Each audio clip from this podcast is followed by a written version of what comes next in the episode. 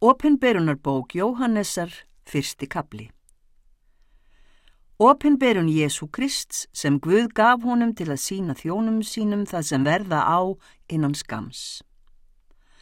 Jésús Kristur sendi engilsinn og let hann kynna það Jóhannessi þjóni sínum sem bar vittni um orð Guðs og vittnisspurð Jésu Krists um allt það er hann sá.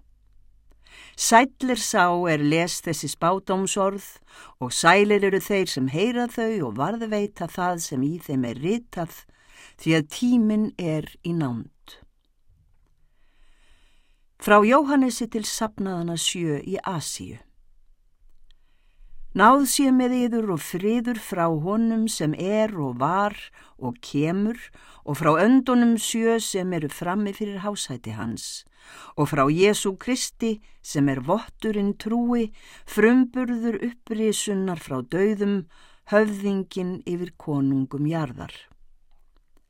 Hann elskar oss og leisti oss frá syndum vorum með blóði sínu og hann gerði oss að konungum og prestum, guði sínum og föður til handa. Hans er dýrðinn og mátturinn um aldir alda. Amen. Sjá, hann kemur í skíunum og hvert auða mun sjá hann, jafnvel þeirra sem stungu hann og allar kynkvíslir jarðarinnar munu kveina yfir honum. Vissulega, Amen. Ég er alfa og omega, hann sem er og var og kemur, hinn alvaldi, segir drottin Guð. Ég, Jóhannes, bróðir yðar, sem í Jésu á hlutdeild með yður í þrengingunni, ríkinu og þolgæðinu, var á enni Patmos, sakir Guðs orðs og vittnisburðarins um Jésu. Ég var hrifinn í anda á drottins degi og heyrði að baki mér raustmikla sem lúðurgilli er sagði Rita þú í bók það sem þú sérð og send það söpnuðunum sjö í Efesus, Smyrnu, Pergamos, Þíatýru, Sardes, Fíladelfíu og Ládíkeu. Ég snýri mér við til að sjá hvers raust það væri sem við mig talaði og er ég snýri mér við, sá ég sjö gulljósastykur og milli ljósastykana einhvern líkan mannsini, klætan skósíðum kirtli og gullbelti var spennt um bringu hans. Höfuð hans og hár var hvitt eins og hvít ull, eins og mjöll og augu hans eins og eldslogi og fætur hans voru sem glóandi málmur í eldsopni og raust hans sem niður mikill að vatna. Hann hafði í hægri hendi sér sjö stjörnur og beitt tvíægjað sverð gekk út af munni hans og ásjóna hans skein sem sólinn í mætti sínum. Þegar ég sá hann, fjall ég fyrir fætur honum sem dauður væri og hann lagði hægri hönd sína yfir mig og sagði, vertu ekki hrættur, ég er hinn fyrsti og hinn síðasti og hinn lifandi. Ég dó, en nú lifi ég um aldir alda og ég hef likla döiðans og heljar. Rita þú nú það er þú sérð, bæði það sem er og það sem verður eftir þetta. Þessi er leindardómurinn um stjörnurnar sjö sem þú hefur séð í hægri hendi minni og um gullstikurnar sjö. Stjörnurnar sjö eru englar þeirra sjö sapnaða og ljósastikurnar sjö eru söpnuðirnir sjö. Opinberunarbókin annar kapli Engli sapnaðurins í Efesus skalt þú rita Þetta segir sá sem heldur á stjörnunum sjö í hægri hendi sér, sá sem gengur á milli gullstiknanna sjö. Ég þekki verkin þín og erfiðið og þolgæði þitt. Ég veit að þú getur ekki sætt þig við vonda menn. Þú hefur reynt þá sem segja sjálfa sig vera postula en eru það ekki og þú hefur komist að því að þeir eru lígarar. Þú ert þolgóður og hefur þólað mikið vegna mín og ekki gefist upp. En það hef ég á móti þér að þú hefur fallið frá þínum fyrri kærleik. Minnst þú því úr hvaða hæð þú hefur rapað, sjáðu að þér og breyttu eins og fyrrum. Að öðrum kosti kem ég til þín og færi ljósastyku þín á stað nema þú sjáir að þér. En það mátt þú eiga að þú hatar verk Nikolaítana sem ég sjálfur hata. Hver sem eira hefur, hann heyri hvað andin segir söpnuðinum. Þeim er sigrar mun ég gefa að etta af lífsins tré sem er í paradís Guðs. Engli sapnaðarins í smyrnu skaltu rita. Þetta segir sá fyrsti og síðasti, sá sem dó og varð aftur lifandi. Ég þekki þrengingu þína og fátækt, en þú ert samt auðugur. Ég veit hvernig þú ert hrakirtur af þeim sem segja sjálfa sig vera gýðinga en eru það ekki, heldur samkunda satans. Hvíð þú ekki því sem þú átt að líða. Djöfullin mun varpa nokkru miðar í fangelsi til þess að reyna yður og þér munuð þóla þrengingu í tíu daga. Vertu trúr allt til dauða og ég mun gefa þér kórónu lífsins. Hver sem eira hefur, hann heyri hvað andin segir söpnuðunum. Þeim er sigrar mun sá annar dauði ekki granda. Engli sapnaðurins í Pergamos skaltu rita. Þetta segir sá sem hefur sverðið tvíegjaða og beita. Ég veit að þú byrð það sem hásæti Satans er. Samt hefur þú verið mér trúr og ekki afneitað trúni á mig, jafnvel ekki á dögum antipasar, míns trúa vottar sem deittur var hjá yður þar sem Satan býr. En þó hef ég nokkuð á móti þér. Þú hefur hjá þér menn sem halda fast við kenningu bíleams, Þess er kendi Balak að tæla Ísraels menn svo að þeir neittu kjöts sem helgað var skurgoðum og drýgðu hór. Þannig hefur þú líka hjá þér menn sem halda fast við kenningu Nikolaíta. Sjá því að þér. Að öðrum kosti kem ég skjótt til þín og mun berjast við þá með sverði munns míns. Hver sem eira hefur, hann heyri hvað andin segir söpnuðunum. Þeim er sigrar mun ég gefa af hennu hulda manna og ég mun gefa honum hvítan stein og á steinin ritað nýtt nafn sem enginn þekkir nema sá er við tekur. Engli sapnaðurins í því að týru skaltu rita Þetta segir sonur Guðus sem augu hefur eins og eldsloga og fætur líka glómálmi. Ég þekki verkin þín, elsku þín á trú, þjónustu þín á þolgæði og veit að þinn síðari verk þín eru meiri en hinn fyrri. En það hef ég á móti þér að þú líður Jessabel, konuna sem segist vera spámaður og kennir þjónum mínum, afvega leiðir þá til að drýja hór og eta kjöt helgað skurðgóðum. Ég hef gefið henni frest til þess að hún sjáu að sér, en hún vill ekki bæta ráðsitt og láta af hórdómi sínum. Nú mun ég varpa henni á sóttarsæng og þeim í mikla þrengingu sem hórast með henni ef þeir yðrast ekki og snúa baki við henni. Og áhangendur hennar mun ég deyða og allir söpnuðurnir skulu vita að ég er sá sem rannsakar nýrun og hjörtun og ég mun gjalda yður hverju og einu eftir verkum yðar. En yður hinum í þýjatýru sem hafið ekki fyllt kenningu þessari og þekkið ekki það sem þeir nefna djúb satans, segi ég, aðra byrði legg ég eigi á yður. En haldið fast við það sem þér hafið þangu til ég kem. Þeim er sigrar og varðveitir allt til enda það sem ég geri og kenni, mun ég gefa sama vald yfir þjóðunum sem fadurinn gaf mér. Og hann mun stjórna þeim með járdsbrota og móla þær eins og leirkjer eru móluð. Og ég mun gefa honum morgunstjörnuna. Hver sem eira hefur, hann heyri hvað andin segir söpnuðunum. Opinberunarbókin þriðji kapli Engli sapnaðarins í Sardes skaltu rita. Þetta segir sá sem hefur þá sjö andagvöðs, stjörnurnar sjö. Ég þekki verkin þín.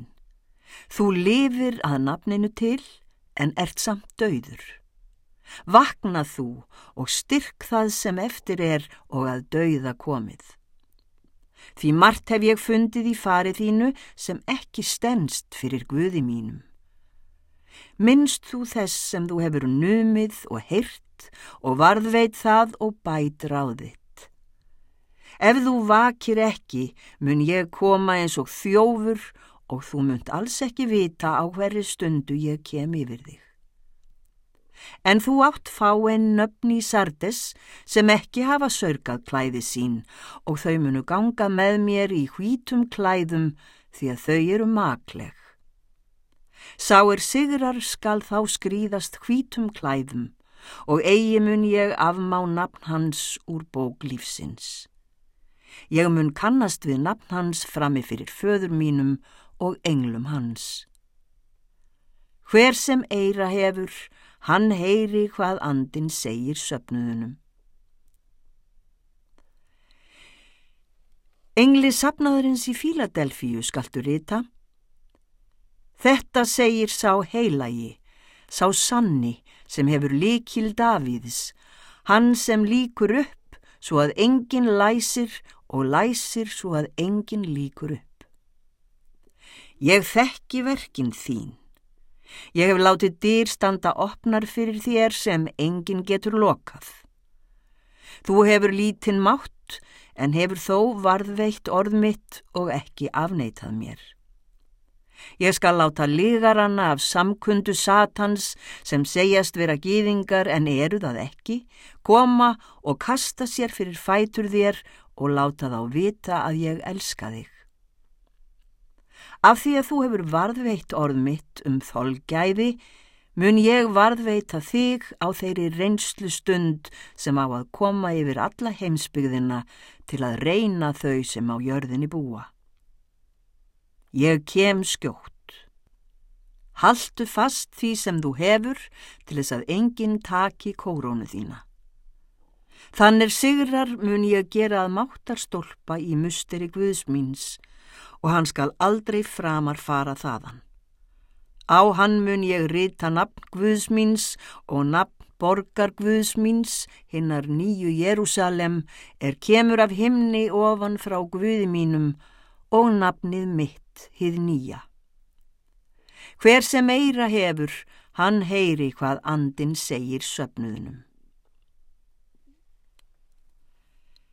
Engli sapnaðarins í Laodíkeu skaltu rita.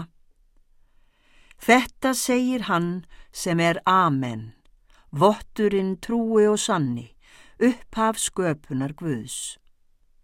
Ég þekki verkin þín, þú ert hvorki kaldur nýja heitur. Betur að þú værir annað hvort kaldur eða heitur en að því að þú ert hálvolgur og hvorki heitur nýja kaldur mun ég skirpa þér út af munni mínum. Þú segir, ég er ríkur og orðin auðugur og þarnast einskis. Þú veist ekki að þú ert vesalingur og aumingi, fátækur, blindur og nakin. Ég ræði er að þú kaupir af mér gull skýrt í eldi til þess að þú verðir auðugur og hvít klæði til þess að þú getur hulið skammarlega nekt þína. Kauftu líka smyrsla á auðín til þess að þú getur séð. Ég tifta og aga alla þá sem ég elska. Legg þú því allt kappa á að bæta ráðitt. Ég stend við dyrnar og knýja á.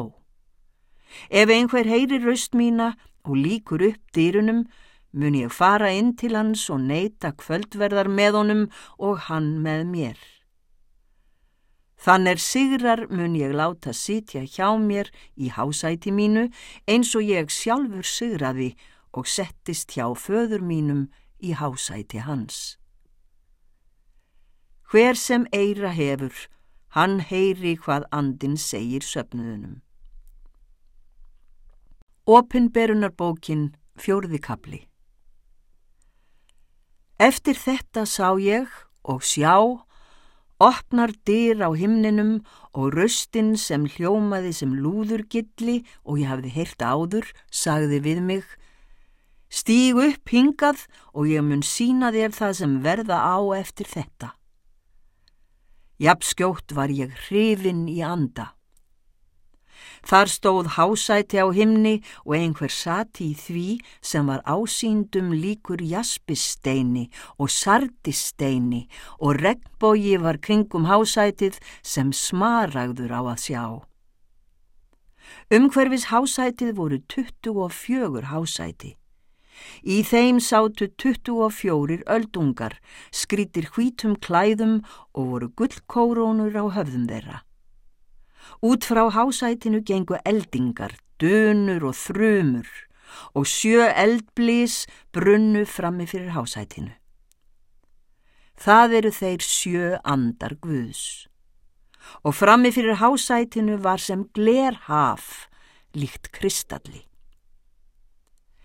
Fyrir miðjuhásætinu og umhverfis hásætið voru fjórar verur allsettar augum í bak og fyrir. Fyrsta veran var lík ljóni, önnur veran lík uksa, þriðja veran hafði ásjónu sem maður og fjórða veran var lík fljúandi erðni. Verurnar fjórar höfðu hverum sig sex vangi og voru allsettar augum allt um kring og að innanverðu. Dag og nótt syngja þær án afláts, heilagur, heilagur, heilagur, drottin Guð hinn alvaldi, hann sem var og er og kemur. Þegar verurnar veksama, heiðra og þakka honum sem í hásætinu situr og lifir um aldir alda, Þá falla öldungarnir 24 nýður frammi fyrir honum sem í hásætinu situr og tilbyðja hann sem lifir um aldir alda og varpa kórónum sínum nýður fyrir hásætinu og segja Verður ert þú, drottin vor og guð, að fá dýrðina og heiðurinn og máttinn því að þú hefur skapað alla hluti og að þínum vilja urðu þeir til og voru skapaðir. Opinberunarbókin, fymti kapli Í hægri hendi hans er í hásætinu satt, sá ég bók sem ritað var á báðum megin og innsiglaða sjö innsiglum. Og ég sá sterkan engil sem kallaði hári röddu Hver er þess verður að ljúka upp bókinni og rjúfa innsikli hennar? En engin var sá á himni eða jörðu eða undir jörðunni sem loki gæti upp bókinni og litið í hana. Og ég greiðt stórum að því að engin reyndist maklegur að ljúka hennu upp og líta í hana. En einn af öldungunum segir við mig, gráð þú eigi, sjá, Sigrað hefur ljónið af júta ætt kvísl, rótar kvistur Davíðs. Hann getur lokið upp bókinni og rofið innsikli hennar sjö. Þá sá ég lamp sem virtist hafi verið slátrað standa fyrir miðjuhásætinu milli verana fjögura og öldungana. Það hafði sjö horn og sjö augu og eru það sjö andar Guðs sem eru sendir út um alla jörðina. Lampið kom og tók við bókinni úr hægri hendi hans er í hásætinu satt. Þegar það hafði tekið við henni, fjallu verurnar fjórar og öldungarnir 24 nýður frammi fyrir lampinu.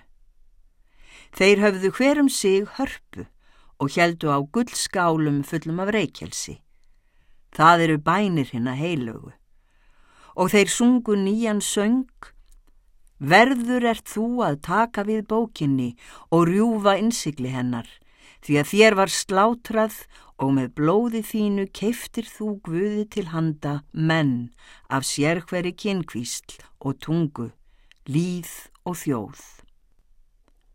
Þú gerðir þá að konungum og prestum guði vorum til handa og þeir munu ríkja á jörðunni.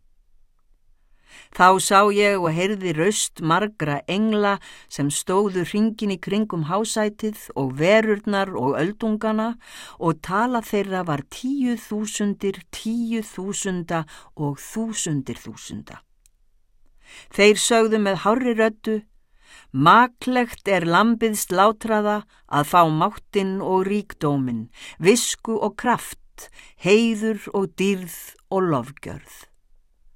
Þá heyrði ég að allt sem skapað er á himni og jörðu, undir jörðunni og á hafinu og allt sem í þeim er tók undir og sagði Honum sem í hásætinu situr og lampinu sé lof og heiður, dýrð og kraftur um aldir alda. Og verurnar fjórar sögðu Amen og öldungarnir fjallu fram og tilbáðu. Opinberunarbókin sjöttikabli Og ég sá er lampið rauðið fyrsta af innsiklunum sjö og ég heyrði eina verunum fjórum segja með þrjum röst, kom, ég leit upp og sjá, hvítur hestur. Sá sem á honum satt hjælt á boga og honum var fenginu kóróna og hann fór út sigrandi og til þess að sigra. Þegar lampið rauf annað innsiklið heyrði ég aðra verun að segja kom, þá gekk út annar hestur rauður. Þeim sem á honum satt var fengið sverð mikið og gefið vald að taka burt friðinn af jörðunni til þess að menn breytjuðu hverjir aðra nýður. Þegar lampið rauf þriðja innsiklið, heyrði ég þriðju verun að segja, kom. Ég leit upp og sjá, svartur hestur og sáir á honum satt hafði vogarskálar í hendi sér og ég heyrði rött koma frá verunum fjórum er sagði Mælir hveitis fyrir daglaun og þrýr mælar byggs fyrir daglaun en eigi skallt þú spilla ólíunni og víninu. Þegar lampið rauð fjórða innsiklið heyrði ég rött fjórðu verunar er sagði kom og ég leit upp og sjá bleikur hestur og sáir á honum satt hétt dauði og hel var í för með honum. Þeim var gefið vald yfir fjórða hluta jarðarinnar og áttu að deyða mennina í styrjöldum, í hungursneið og drepsóttum og láta menn farast fyrir villidýrum jarðarinnar. Þegar lampið rauð fymta innsiklið sá ég undir alltarinu sálir þeirra manna sem drefnir höfðu verið sakir Guðs orðs og vittnisspurðarins sem þeir höfðu borið. Og þeir hrópuðu hári röttu og sögðu Hversu lengi skal býða þess, þú alvaldur, heilagur og sannur, að þú dæmir og hefnir blóðsvors á íbúum jarðar? Og þeim var fengin hverjum og einum hvít skikja.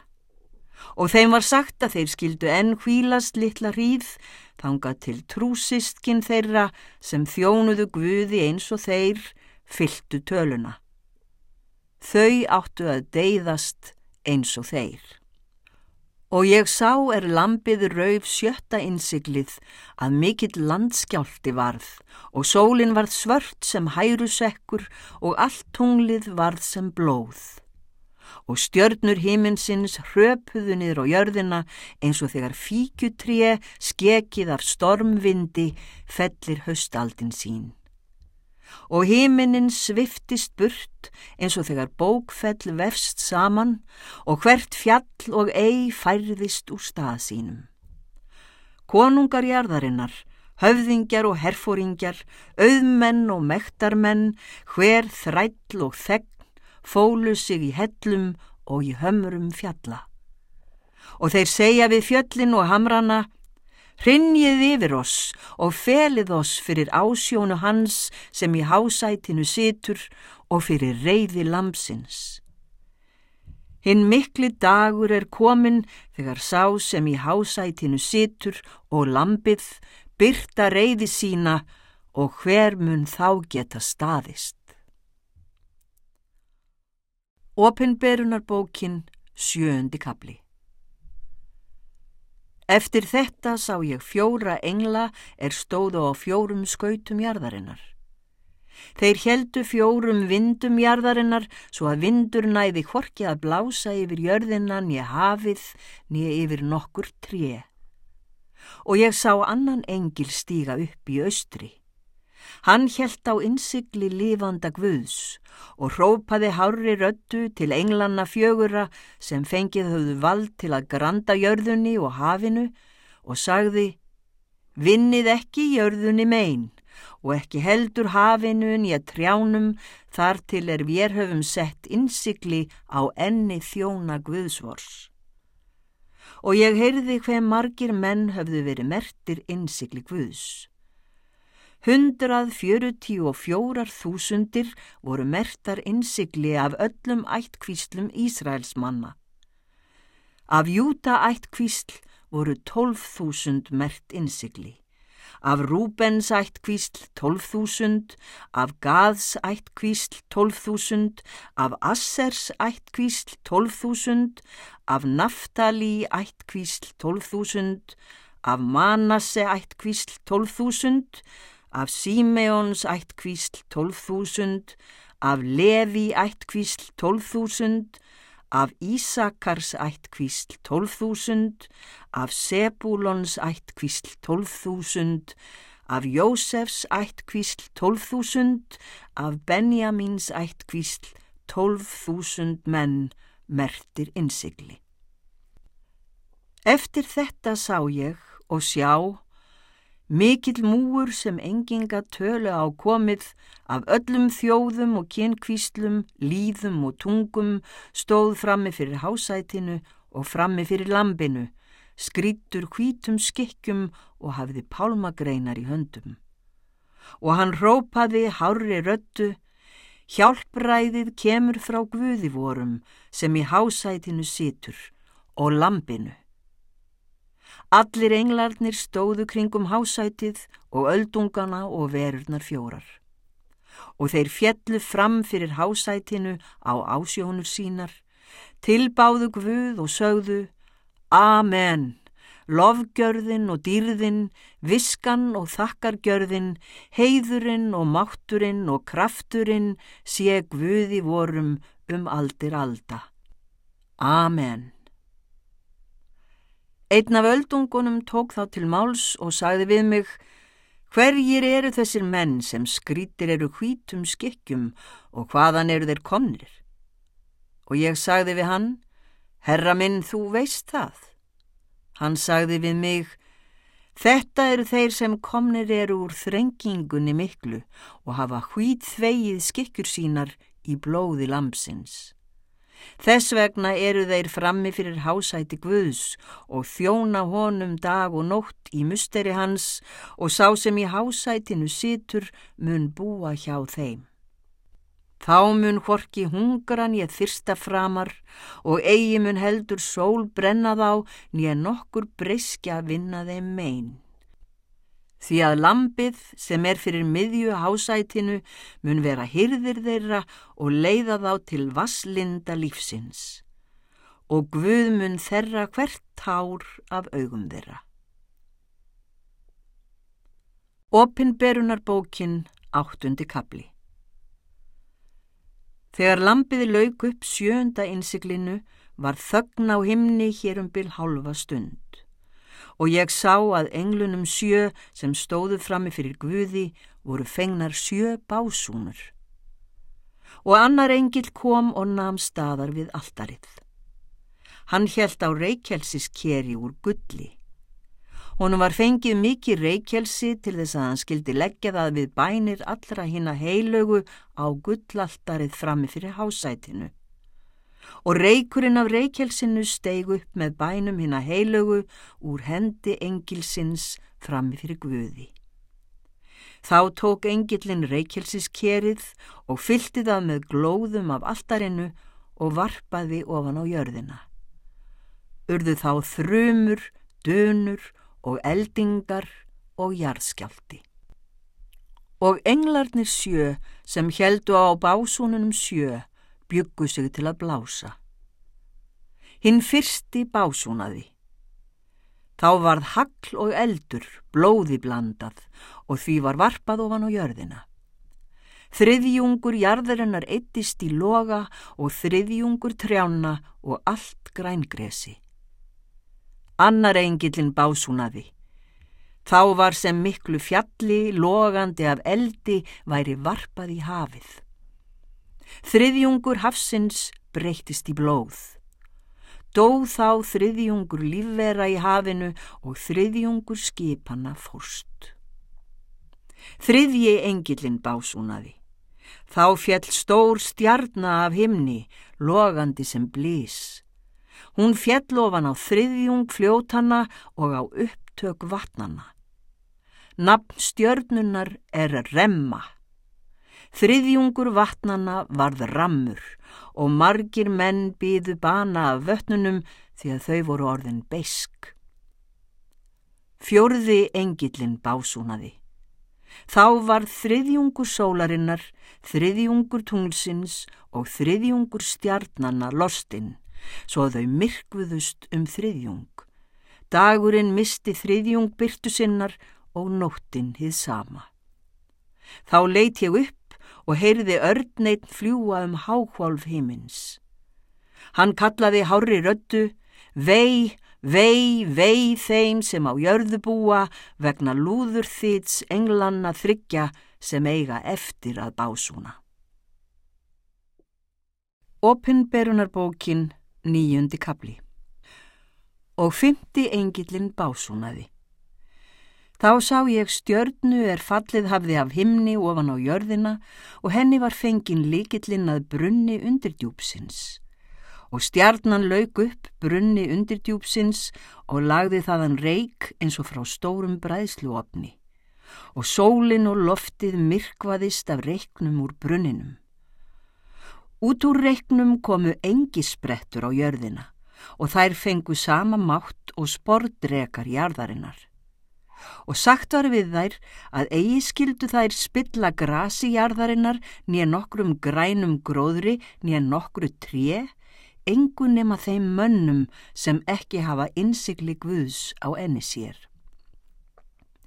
Engi sprettunum var ekki leift að deyða þá, heldur skildu þær láta þá kveljast í fimm mánuði.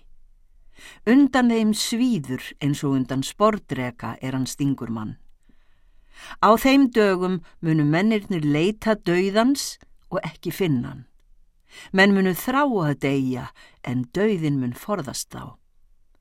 Engi spretturnar líktust hestum, búnum til bardaga. Á höfðinu báru þær eitthvað sem líktist kórón úr gulli og ásjónur þeirra voru sem ásjónur manna. Þær höfðu hár eins og konur og tennur þeirra voru eins og í ljónum. Þær báru eins konar járnbrynjur og vangjafþýturinn frá þeim var eins og vagnagnýr þegar margir hestar bruna fram til bardaga. Þær hafa hala og brotta eins og spordrekar og í hölum þeirra býr máttur þeirra til að kvelja menn í fimm mánuði. Engill undir djúpsins er konungur þeirra. Nafn hans er á hebresku Abaddón og á grísku heitir hann Apollíón. Fyrsta pláan er liðin hjá. En koma tvær aðrar eftir þetta. Og sjötti engilin básúnaði. Þá heyrði ég röddeina frá hornunum á gullaltarinu sem er frami fyrir Guði. Og röddin sagði við sjötta engilin sem helt á básúninni Leis þú englana fjóra sem bundnir eru við fljótið mikla efrat. Og englarnir fjórir voru leistir. Þeim hafiði verið haldið búnum til þessara stundar, þessa dags, þessa mánadar og þessa árs til þess að deyða þriðjung manna. Ég fekk að heyra fjölda rittarasveita þeirra.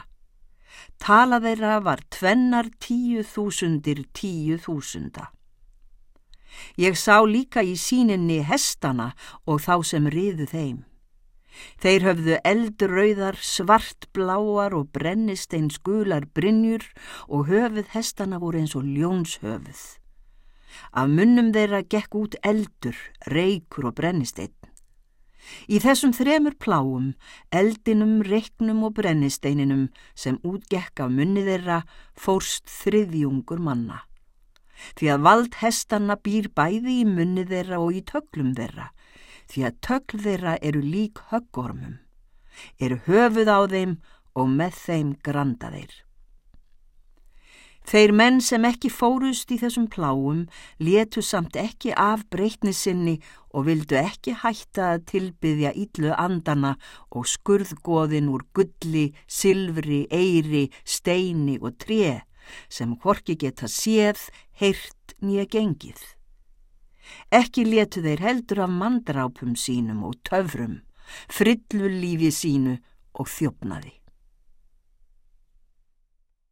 Opinberunarbókin tíundi kabli Og ég sá annan sterkan engil stíga af himni ofan, hjúpaðan skíi.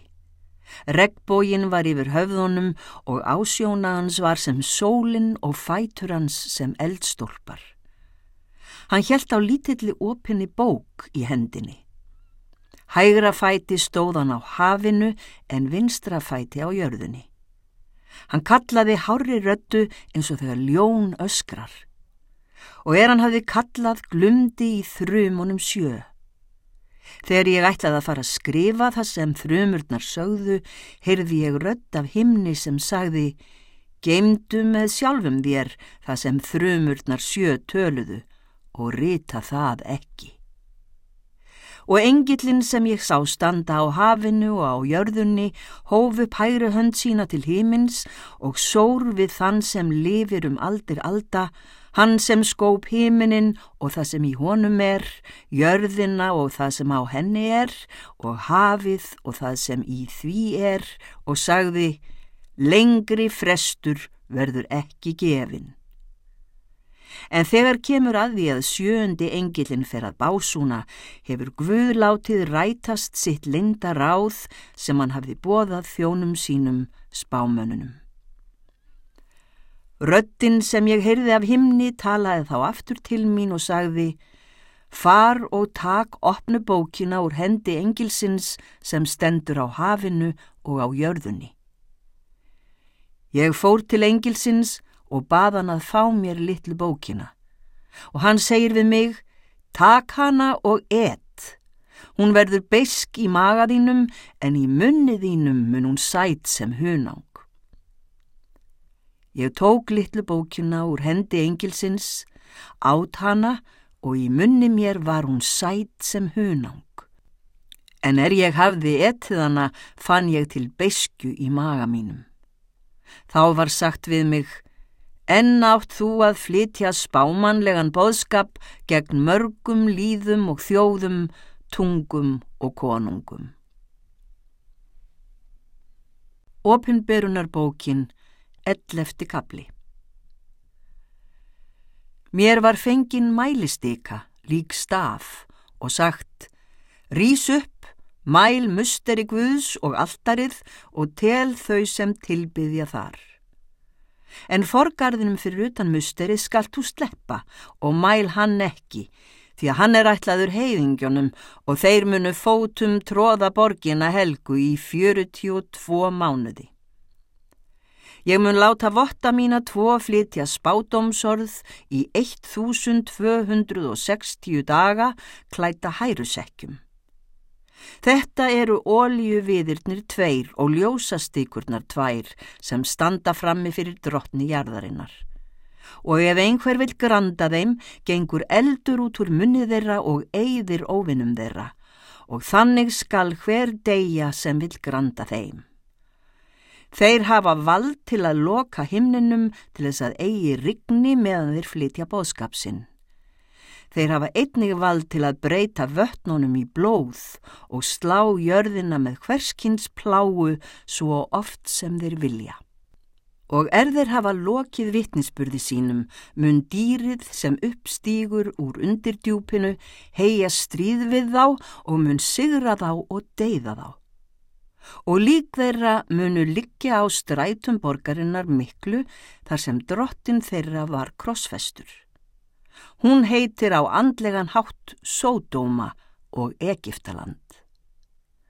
Menn af öllum líðum og kynkvíslum, tungum og þjóðum sjá lík þeirra þrjá og hálfan dag og leifa ekki að þau verði lögð í gröf. Og íbúar jarðarinnar gleðjast yfir þeim og fagna og senda hver öðrum gjafir því að þessir tveir spámenn kvöldu þá sem á jörðunni búa. Eftir dagana þrjá og hálfan fór lífsandi frá Guði í þá og þeir risu á fætur. Mikill ótti kom yfir alla sem sáu þá og þeir heyrðu röddmikla af himni sem sagði við þá stíið upp hingað og þeir stigu upp til himins í skíi og óvinnir þeirra horðu á þá. Á þeirri stundu varð landskjálti mikill og tíundi hluti borgarinnar hundi. Í landskjáltanum fórust 7000 manna en þeir sem eftir voru urðu óta slegnir og fólu sig á vald Guðs á himni. Önnur pláan er líðin hjá. Brátt kemur þriðja pláan. Sjöundi engillin básúnaði. Þá heyrðust rattir miklar á himni er sögðu Drottin og Kristur hans hafa fengið valdi yfir heiminum og hann mun ríkja um aldir alda. Og öldungarnir 24, þeir er sitja frammi fyrir Guði í hásætum sínum, fjallu fram á ásjónur sínar, tilbáðu Guð og sögðu, Við þökkum þér, drottin Guð, þú alvaldi, þú sem ert og þú sem varst, að þú hefur tekið valdið þittið mikla og gerst konungur. Þjóðirna reytust og reyði þín kom og tíminn til að dæma hinn að dauðu og gefa launin þjónum þínum, spámönunum og hinnum heilögu og þeim sem óttast nafnvitt, smáum og stórum og til að eigða þeim sem jörðina eigða. Og musteri Guðs opnaðist, það sem á himni er, og sáttmáls örk hans byrtist í musteri hans. Og eldingar komu og dunur og þrumur og landskjálti og hagl mikið. Opinberunarbókin tólti kabli Og tákn mikið byrtist á himni. Kona klætt sólinni og tunglið var undir fótumennar og á höfðennar var kóróna af tólf stjörnum. Hún var þunguð og hljóðaði í jóðsótt með hörðum hríðum. Annað tákn byrtist á himni, mikill dreki rauður er hafði sjö höfuð og tíu horn og á höfðunum sjö ennistjást. Með halanum dróan þriðja hlutan af stjörnum himinsins og varpaði þeim ofan á jörðina. Drekinn stóð frammi fyrir konunni sem komin var að því að fæða til þess að gleipa barnennar þá er hún hefði fætt. Hún fætti són, sveinbarn sem stjórna mun öllum þjóðum með járdsbrota og barnennar var hrifið til Guðs til hásætis hans En konan flýði út á eigðimörkina þar sem Guð hefur búið henni stað og þar sem séðverður fyrir þörfumennar í 1260 daga. Þá hófst stríð á himni. Mikael og englar hans fór að berjast við drekan. Drekin og englar hans börðust á móti en fengu eigi staðist og heldust heldur ekki lengur við á himni og drekanum mikla var varpað niður, hinnum gamla höggormi sem heitir djöfull og satan og afvega leiðir alla heimsbyggðina. Honum var varpað niður á jörðina og englumanns var varpað niður með honum. Og ég heyrði rött mikla á himni segja, Nú er komið hjálpræðið og mátturinn og ríki Guðsvors og veldi hins smurða. Því að þeim sem stóð frammi fyrir Guði dag og nótt og ákærði þau sem trúa hefur verið steift nýður. Og þau hafa sigraðan fyrir blóð lampsins og fyrir orð vittnisburðar síns og eigi var þeim lífið svo kært að þeim æði döiði. Fagnið því, himnar og þér sem í þeim búið. Veis ég jörðunni og hafinu því að djöfullin er stíin niður til yðar í miklu móð því að hann veit að hann hefur nauman tíma. Þegar drekinn sá að honum var varpað niður á jörðina, ofsótti hann konuna sem alið hafði sveinbarnið og konunni voru gefnir vangirnir tveir af erninum mikla til þess að hún skildi fljúa á eðimörkina til sín staðar þar sem séðverður fyrir þörfumennar þrjú og hálft ár fjarrri auksín höggormsins.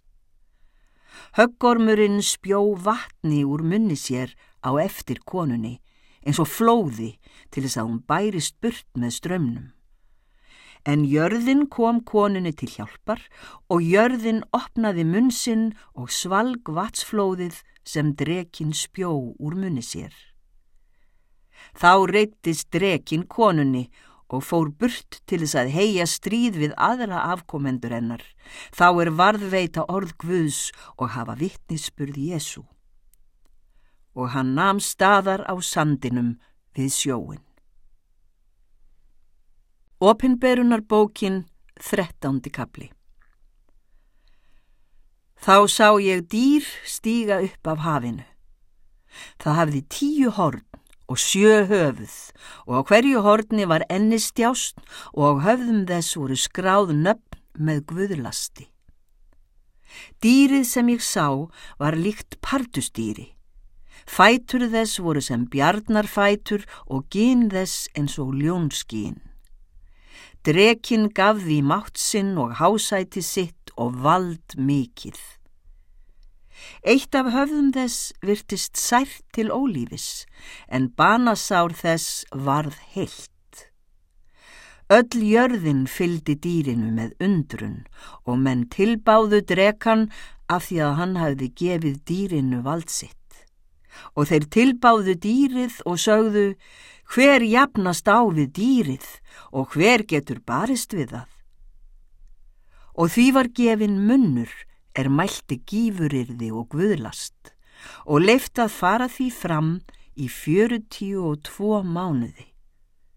Það lauk upp munni sínum til að lastmæla guði, nafni hans, bústað hans og þeim sem á himni búa og því var leift að heia stríð við hennar heilögu og sigra þá og því var gefið vald yfir sérkverri kynkvísl og líð, tungu og þjóð. Og allir þeir sem á jörðunni búa og eiga nöfn sín ekki frá grundvöllun veraldar rituði lífsbók lampsins sem slátrað var, munu tilbyðja það. Sá sem eira hefur, hann heyri. Sá sem ánauð er ætluð fer í ánauð, sá sem ætlað er að falla fyrir sverði verður með sverði feldur. Hér reynir á þolgæði og trú hinn að heilögu. Og ég sá annað dýr stíga upp af jörðunni og það hafði tvö horn lík lampshornum en það talaði eins og dreki. Fyrra dýrið hefur gefið því allt vald sitt og það lætur jörðina og þá sem á henni búa tilbyðja fyrra dýrið sem varð heilt af banasári sínu. Síðara dýrið gerir tákn mikil svo að það lætur jafnvel eld falla af himni ofan á jörðina fyrir augum mannana og það leiðir alla þá sem á jörðinni búa afvega með táknum sem fyrra dýrið leifir því að gera. Það segir þeim sem á jörðinni búa að gera líkneski af dýrinu sem sárið fjekk undan sverðinu en lifnaði við. Því var leift að gefa líkneski fyrradýrsins anda til þess að það gæti einnig talað og komið því til leiðar að allir yrðu þeir deittir sem ekki vildu tilbyðja það. Og dýrið lætur alla smáa og stóra, auðuga og fátæka og frjálsa og ófrjálsa, setja merkja á hægri hönd sér eða á enni sín og kemur því til leiðar að enginn geti keift eða selt nema hann hafi merkið, nafn dýrsins eða tölu nafs þess. Hér reynir á speki. Sá sem skilning hefur reikni tölu dýrsins því að tala manns er það og tala hans er 666. Opinberunar bókin 14. kapli En sá ég sín. Lampið stóð á síonarfjalli og með því 144.000 sem höfðu nafn þess og nafn föður þess skrifað á enni sér. Og ég heyrði rött af himni, hún hljómaði sem niður margra vatna og sem mikill þrumugnýr. Og röttin sem ég heyrði var eins og hörpur hljómur harpara sem hörpur sínar slá og þeir syngja nýjan söng frammi fyrir hásætinu og frammi fyrir verunum fjórum og öldungunum. Og engin gatt numið söngin nema þær 144.000 sem listar hafa verið frá jörðunni. Þetta eru þeir sem ekki hafa sörgast með konum. Þeir eru skýrlífir. Þeir fylgja lampinu hvert sem það fer.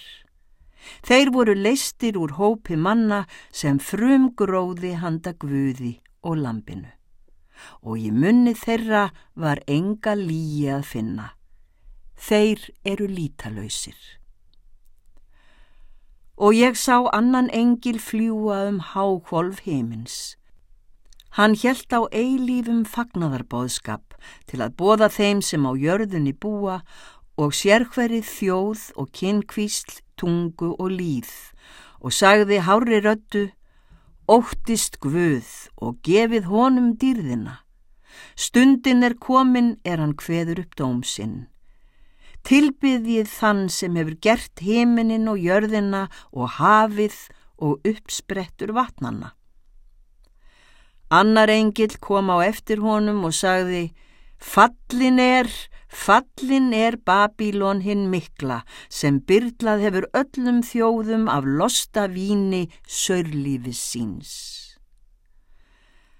Á eftir þeim kom þriðji engilinn og sagði hári röttu Ef einhver tilbyður dýrið og líkneski þess og lætur setja merki þess á enni sér eða hönd, þá skal hann fá að drekka óblandað vín af reyði skálum Guðs og hann mun verða kvalinn í eldi og brennisteini í auksín heilagra engla og í auksín lampsins. Og reykurinn frá kvalastað þeirra stýgur upp um aldir alda og þeir sem tilbyðja dýrið og líkneski þess og hver sem ber merki þess mun enga ró hafa nótt og dag. Hér reynir á þolgæði hinn að heilögu. Þeirra er hlýða Guði og trúa á Jésu. Og ég heyrði rött af himni sem sagði, Rita þú, sælir eru dánir, þeir sem í drottni deyja upp frá þessu. Já, segir andin, þeir skulu fá hvild frá erfiði sínu, því að verk þeirra fylgja þeim. Og ég sá og sjá, hvitt skí og á skíinu einhvern sitja líkan mannsini. Hann hafiði gullkórónu á höfði og beitta sigð í hendi. Og annar engil kom út úr musturinu. Hann kallaði hári röttu til þess sem á skíinu satt, beittu sigðinni og skerðu upp því að komin er uppskeru tímin. Kornið er þroskað og sá sem á skíinu satt brá sigðsinni á jörðina og uppskeran var færð í hlöðu. Annar engil gekk út úr musterinu sem er á himni og hann hafði líka beitta sigð. Og enn annar engil gekk út frá altarinu og hafði vald yfir eldinum. Hann kallaði hári röttu til þess sem hafði beittu sigðina, Takk beittu sigðina þína og sker þrúurnar af vínviði jarðarinnar því að vínberin á honum er orðin þroskuð. Og engillin brá sigðsinni á jörðina, skar af vínviði hennar og kastaði honum í vínþröngina miklu sem táknar reyði guðs.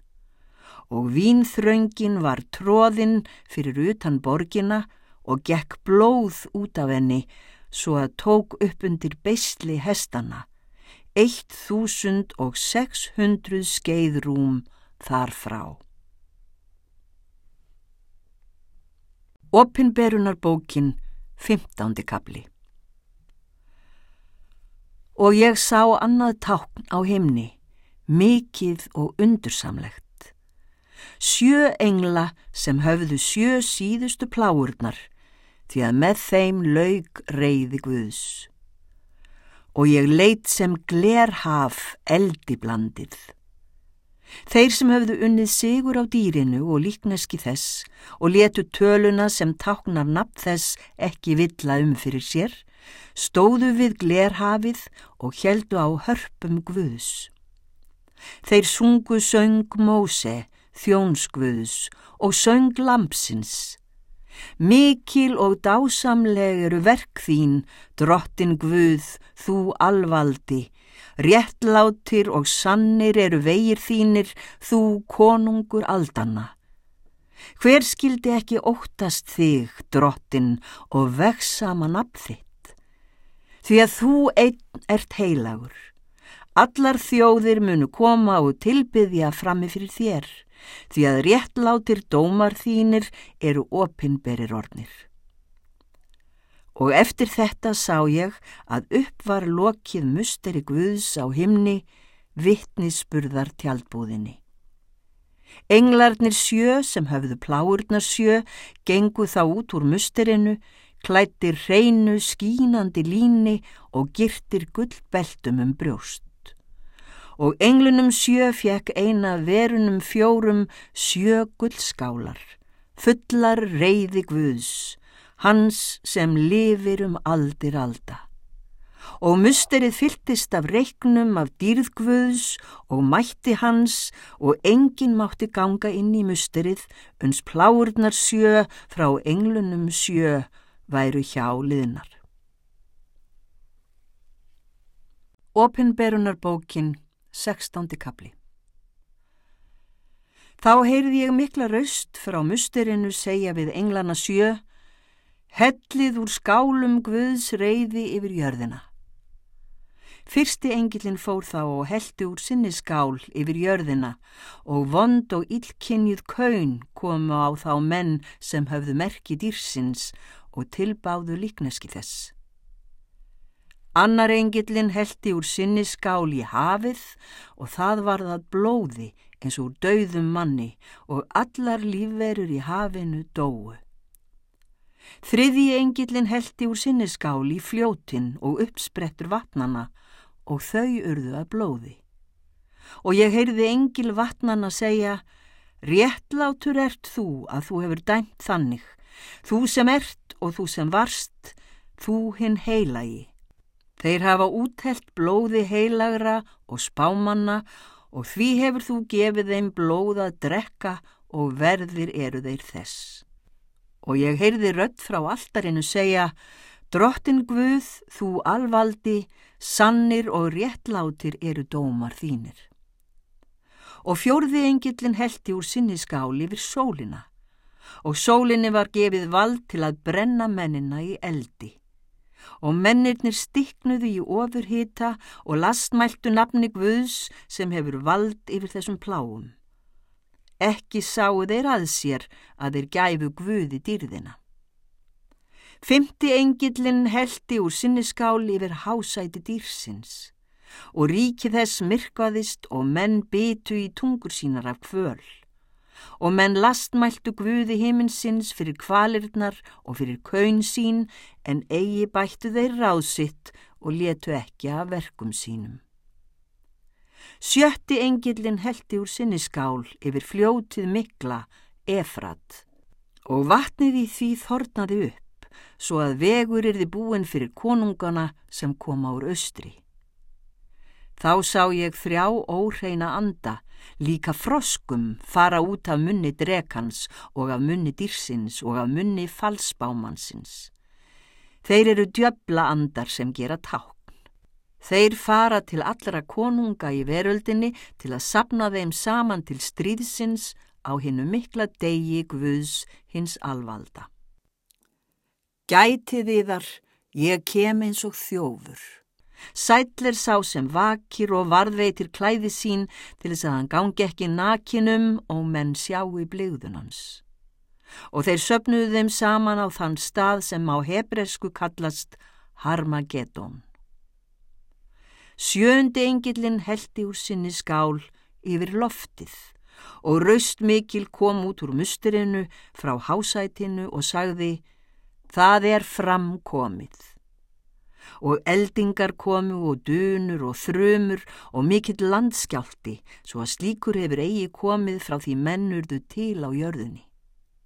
Svo mikill var sá jarðskjálti og borgin mikla fór í þrjá hluta og borgir þjóðanna hrundu. Og Guð glemdi ekki henni miklu Babilón og gaf henni byggarinn með víni heiftarreiði sinnar og allar eigjar hurfu og fjöllin voru ekki lengur til og stór högl vættar þung fjallu niður af himni yfir mennina og mennirnir lastmæltu guði fyrir haglpláuna því að svo pláa var mikil. Opinberunarbókin, 17. kapli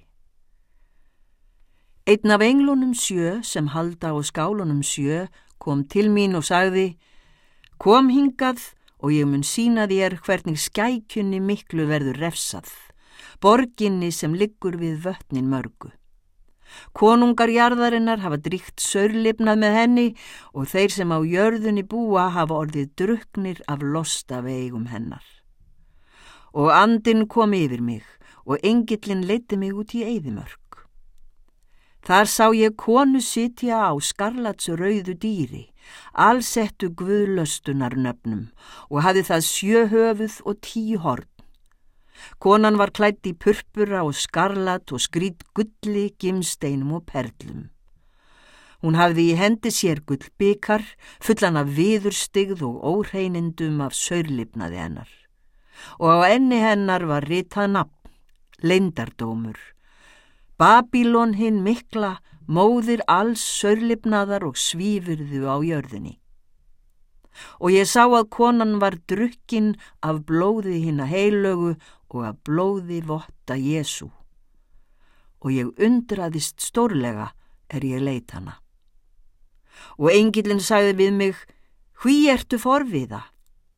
Ég mun segja þér leindardóm konunar og dýrsins með höfuðin sjö og hornin tíu sem ber hana. Dýrið sem þú sást var en er ekki og það mun stíga upp frá undirdjúpinu og fara til glötunar. Og þeir sem á jörðu búa og eiga ekki frá grundvöllun veraldar nöfn sín skráði lífsins bók munu undrast er þeir sjá dýrið sem var og er ekki og kemur aftur. Hér reynir á skilning og speki. Höfuðin sjö eru sjö fjöll sem konan situr á. Það eru líka sjö konungar. Fimm eru fallnir, einn er nú uppi, annar er ókomin og er hann kemur á hann að vera stutt. Og dýrið sem var en er ekki er einmitt hinn áttundi og er af þeim sjö og fer til glötunar. Og hornin tíu sem þú sást eru tíu konungar sem enn hafa eigi tekið við ríki heldur fá vald sem konungar eina stund á samt dýrinu. Þessir hafa allir eitt ráð og ljá dýrinu mátt sinn og vald. Þessir munu heia stríð við lambið. Og lambið og þeir sem með því eru, hinnir kölluðu og útvöldu og trúu munu sigra þá. Því að lambið er drottin drottna og konungur konunga. Og engilin segir við mig, vötnin sem þú sást, þar sem skækjan situr, eru líðir og fólk, þjóðir og tungur og hornin tíu sem þú sást og dýrið munu hata skækjuna og svifta hana öllu og skilja hana eftir nakta. Þau munu eta holdennar og brenna hana í eldi því að Guð hefur lagt þeim í brjóst að gera vilja sinn og vera ásátt um að fela dýrinu að ráða ríkjum. Allt til þess er orð Guðs koma fram og konan sem þú sást er borgin mikla sem ríkir yfir konungum jarðarinnar. Opinberunarbókin átjándi kabli Eftir þetta sá ég annan engil stíga ofan af himni og hafði hann mikið vald og jörðin ljómaði af dýrðhans og hann rópaði með sterkri röttu Fallin er, fallin er Babilón hinn mikla og orðin að heimkynni djöbla og hæli alls konar óhreitna anda og óhreitna og viðbjóðslegra fuggla. Því að hún hefur látið allar þjóðir drekka af lostavíni sörlífi síns sem vekur reyði guðs og konungar jarðarinnar drígðu sörlipnað með henni og kaupmenn jarðarinnar auðguðust af tömlausum munaði hennar og ég heyrði aðra rött af himni sem sagði Fólkið mitt, forðið yfir úr borginni svo að þér eigið engan hlut í syndum hennar og reppið ekki pláur hennar. Því að syndir hennar náðu allt upp til himins og Guð myndist ránglætisverka hennar. Komið fram við hana eins og hún hefur komið fram við yður og látið hana fá tvöfalt fyrir það sem hún hefur gert. Byrlið henni tvöfalt í byggarinn sem hún hefur byrlað yður í. Veitið henni eins mikla kvöl og sorg og hennar stærilæti og óhóf hefur verið. Hún segir í hjarta sínu, hér sit ég og er drottning, ekki er ég eigi, sorg mun ég aldrei sjá. Þess vegna munu pláur hennar koma á einum degi. Dauði, sorg og hungur og í eldi munum verða brend því að máttugur er drottin Guð sem dæmdi hana. Konungarjarðarinnar sem drígðu með henni sörlipnað og livðu í munaði munu gráta og kveina yfir henni er þeir sjá reikinn þegar hún brennur.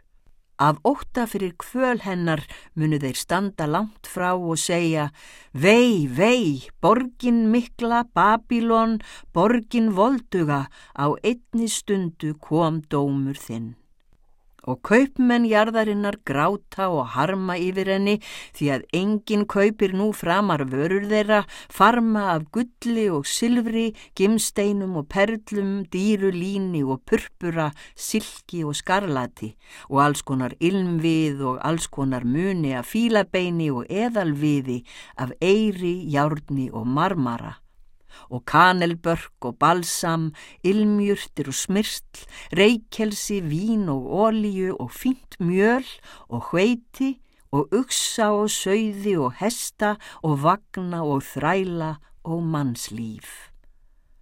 Ágóðin sem þú þráðir svo heitt hefur brugðist þér. Öll sæld og glís þér horfið og engin mun neitt af því finna framar.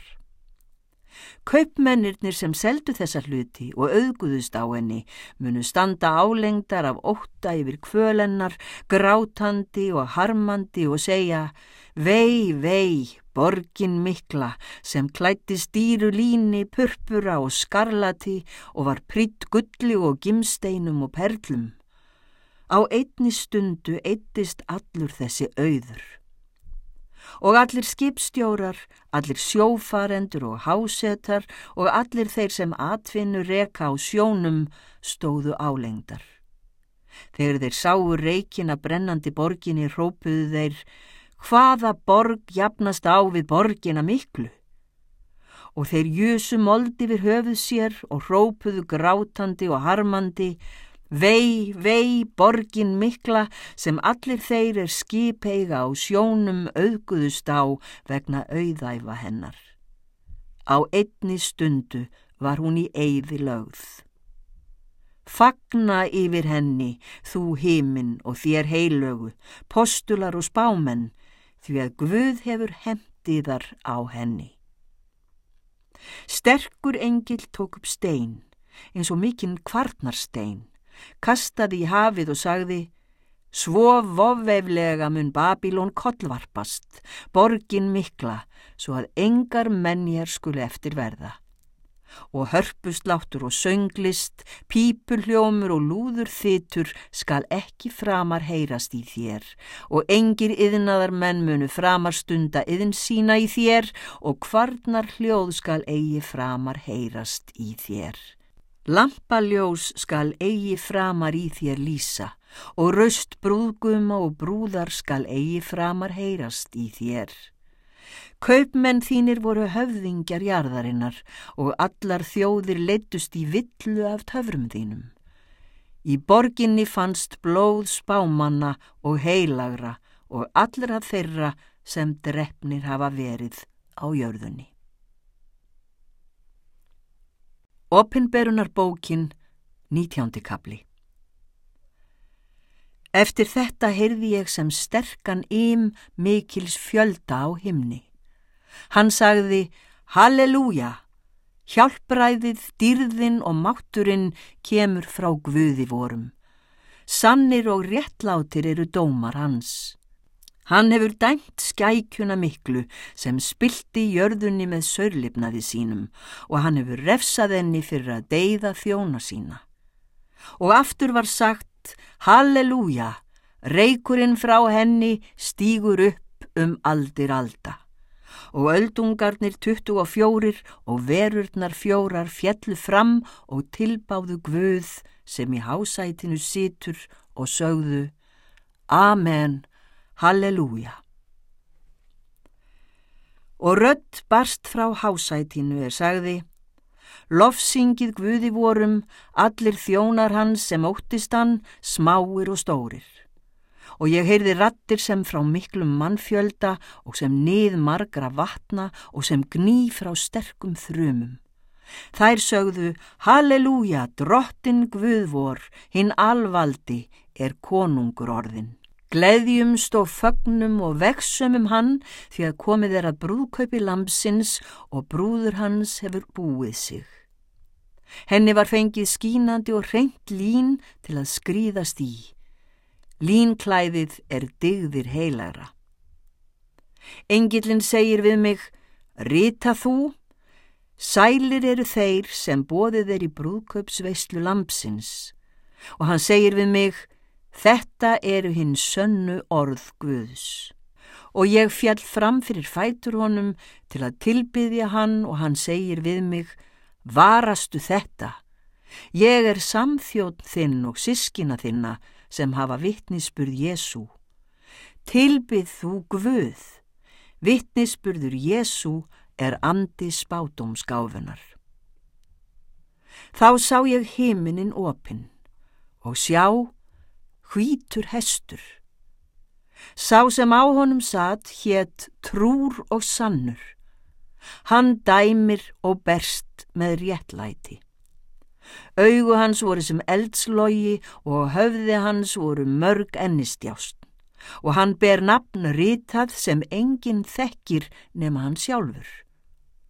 Hann var skrittur skikju, blóði drifinni og nafn hans er orðið guðs og hersveitirnar sem á himni eru fyldu honum á hvítum hestum, klættar hvítu og hreinu líni. Og af munni hans gekk út biturt sverð til að slá þjóðirnar með og hann mun stjórna þeim með járdsbrota og tróða vinnþröng heftar reyði Guðs hins alvalda. Og hann hefur á skikkjusinni og lend nafn ritað, konungur konunga og drottin drottna. Og ég sá einn engil standa inni í sólinni. Hann rópaði hári röttu til allra fugglana sem flugu um himinkvolfið. Komið, sapnist saman til hinnar miklu máltíðar guðs, til þess að eta hold konunga, herfóringja og kappa og til að eta hold hesta og þeirra sem á þeim sitja og hold allra bæði frjálsra og ófrjálsra, smára og stórra. Og ég sá dýrið og konunga jarðarinnar og hersveitir þeirra sapnaðar saman til að heia stríð við þann sem á hestinum satt og við herlið hans. Og dýrið var handtekið og ásamt því falsbámaðurinn sem hafi látið dýrið gera táknin. Með þeim hafði hann leitt þá afvega sem hafði fengið merki dýrsins og tilbeðið líkneski þess. Þeim báðum var kastað lifandi í eldstíkið sem logar af brennisteini og hinnir voru drefnir með sverðinu sem gekk út af munni þess sem á hestinum satt. Allir fugglarnir söttust af hræjum þeirra. Opinberunar bókin 20. kapli Og ég sá engil stíga niður af himni Hann helt á likli undirdjúpsins og stórum fjötri í hendi sér. Og hann tók drekan þann gamla höggorm sem er djöfull og satan og batt hann um þúsund ár. Hann kastaði honum í undirdjúpið, læsti því og setti innsikli yfir, svo að hann leti ekki framar þjóðirnar afvega uns þúsund ár væru liðin. Eftir það á hann að vera leistur um stuttan tíma. Og ég sá hásæti og menn settust í þau og þeim sem þar sátu var gefið vald til að dæma. Ég sá sálir þeirra sem höfðu verið hálshögnir af því að þeir höfðu vittnað um Jésu og flutt orð Guðs. Það voru þeir sem höfðu hvorki tilbeðið dýrið nýja líkneski þess og ekki fengið merkja á enni sér og hönd og þeir lifnuðu og ríktu með Kristi um þúsund ár. Aðrir döðir lifnuðu ekki fyrir en þúsund árin voru liðin. Þetta er fyrri upprísan. Sælir og heilagir eru þeir sem eiga hlut í fyrri upprísunni. Yfir þeim hefur hinn annar dauði ekki vald, heldur munu þeir vera prestar Guðs og Krists og ríkja með honum um þúsund ár. Þegar þúsund árin eru liðin verður Satan leistur úr fangelsi sínu og hann mun fara og leiða þjóðirnar góg og magóg á fjórum skautum jarðarinnar afvega og sapna þeim saman til stríðs og fjöldi þeirra er sem sandur sjávarins. Þær stegu upp á víðan völl í arðar og umkringdu herbúðir heilagra og borgina elskuðu. En eldur fjall af himni ofan og eitti þeim og djöflinum sem leiðir þær afvega var kastað í díkið elds og brennisteins þar sem bæði dýrið og falsbámaðurinn eru. Þau verða kvalinn dag og nótt um aldir alda. Og ég sá mikið hvitt hásæti og þann sem í því satt. Frá augliti hans flúðu heiminn og jörð en fundu engan stað og ég sá þá dauðu, stóra og smáa, standa frammi fyrir hásætinu og bókunum var lokið upp. Þá var annari bókinni lokið upp. Það var lífsins bók. Og hinnir dauðu voru dæmdir eftir verkum sínum eins og ritað var í bókonum. Og hafið skilaði hinnum dauðu sem í því voru og dauðin og hel skiluðu þeim dauðu sem í þeim voru og sér hver hlaut dóm eftir verkum sínum. Og dauðanum og helju var kastað í eldstíkið. Eldstíki er hinn annar dauði. Og ef einhver fannst ekki skráður í lífsins bók, var honum varpað í eldstíkið. Opinberunarbókin 21. kapli Og ég sá nýjan heiminn og nýja jörð, því að hinn fyrri heiminn og hinn fyrri jörð voru horfin og hafið var ekki framar til. Og ég sá borgina helgu, nýja Jérúsalem, stíga niður af himni frá Guði, búna sem brúði er skartar fyrir manni sínum. Og ég heyrði raust mikla frá hásætinu er sagði, sjá, Tjaldbúð Guðs er meðal mannanna og hann mun búa hjá þeim og þeir munu vera fólk hans og Guð sjálfur mun vera hjá þeim, Guð þeirra. Og hann mun þerra hvert tár af augum þeirra og dauðin mun ekki framar til vera, hvorki harmur nýja vein nýja kvöl er framar til. Hið fyrra er farið. Sá sem í hásætinu satt sagði, sjá, ég geri alla hluti nýja og hann segir, rita þú, því að þetta eru orðin trúu og sönnu. Og hann sagði við mig, það er framkomið. Ég er alfa og omega, upphafið og endirinn. Ég mun gefa þeim ókeipis sem þyrstur er af lind lífsins vats.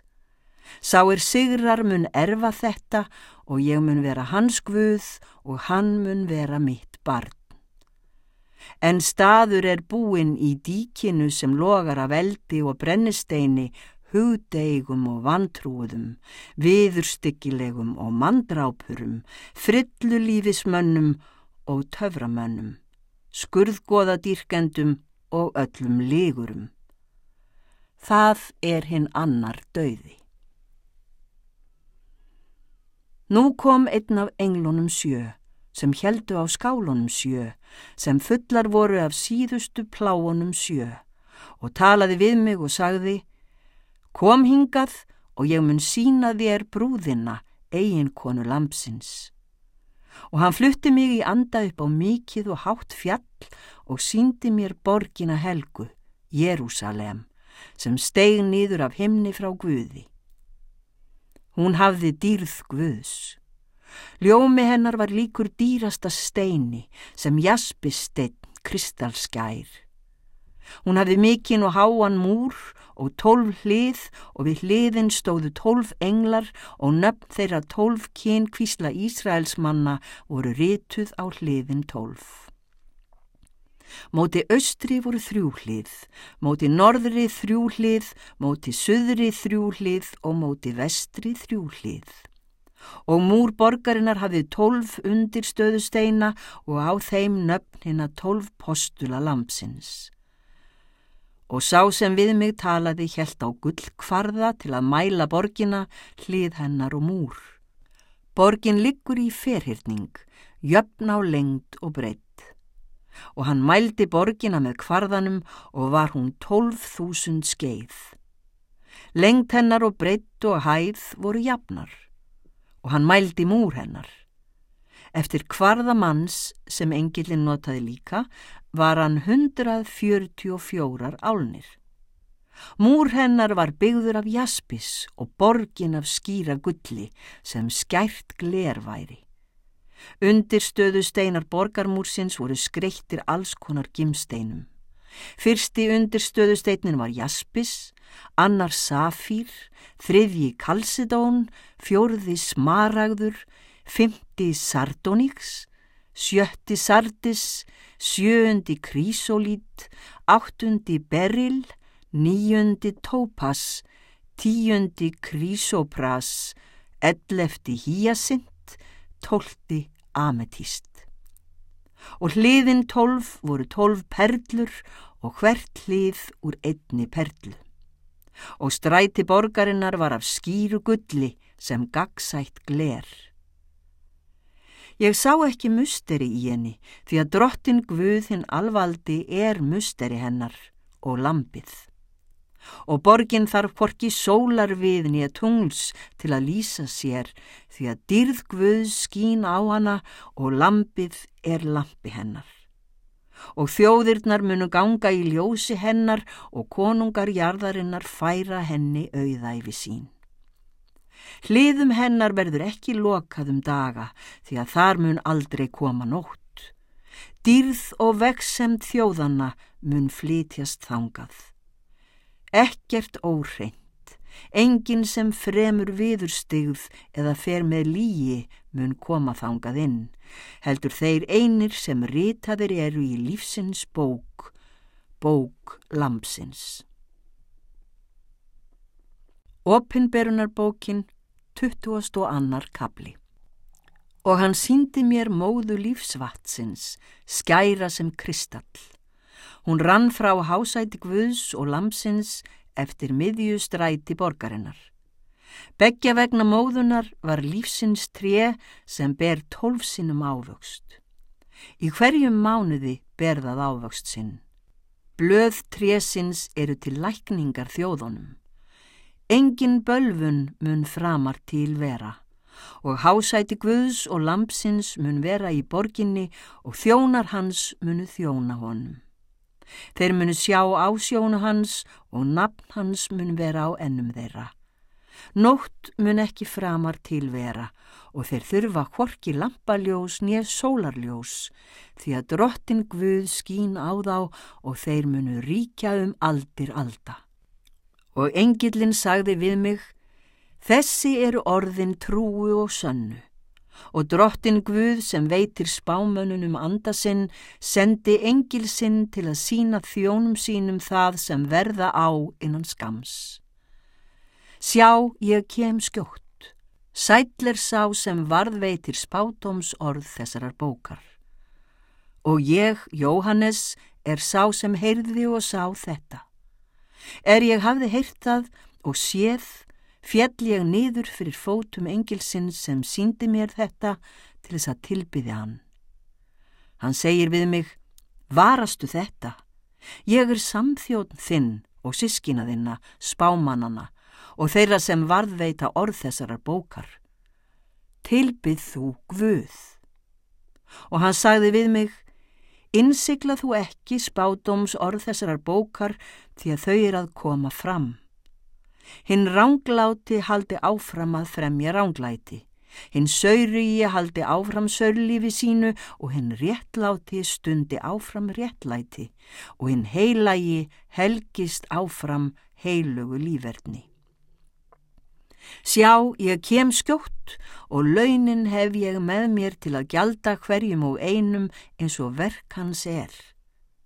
Ég er alfa og omega, hinn fyrsti og hinn síðasti, upphafið og endirinn. Sælir eru þeir sem þvó skikkjur sínar. Þeir fá aðgangað lífsins tré og meiga ganga um hliðin inn í borgina.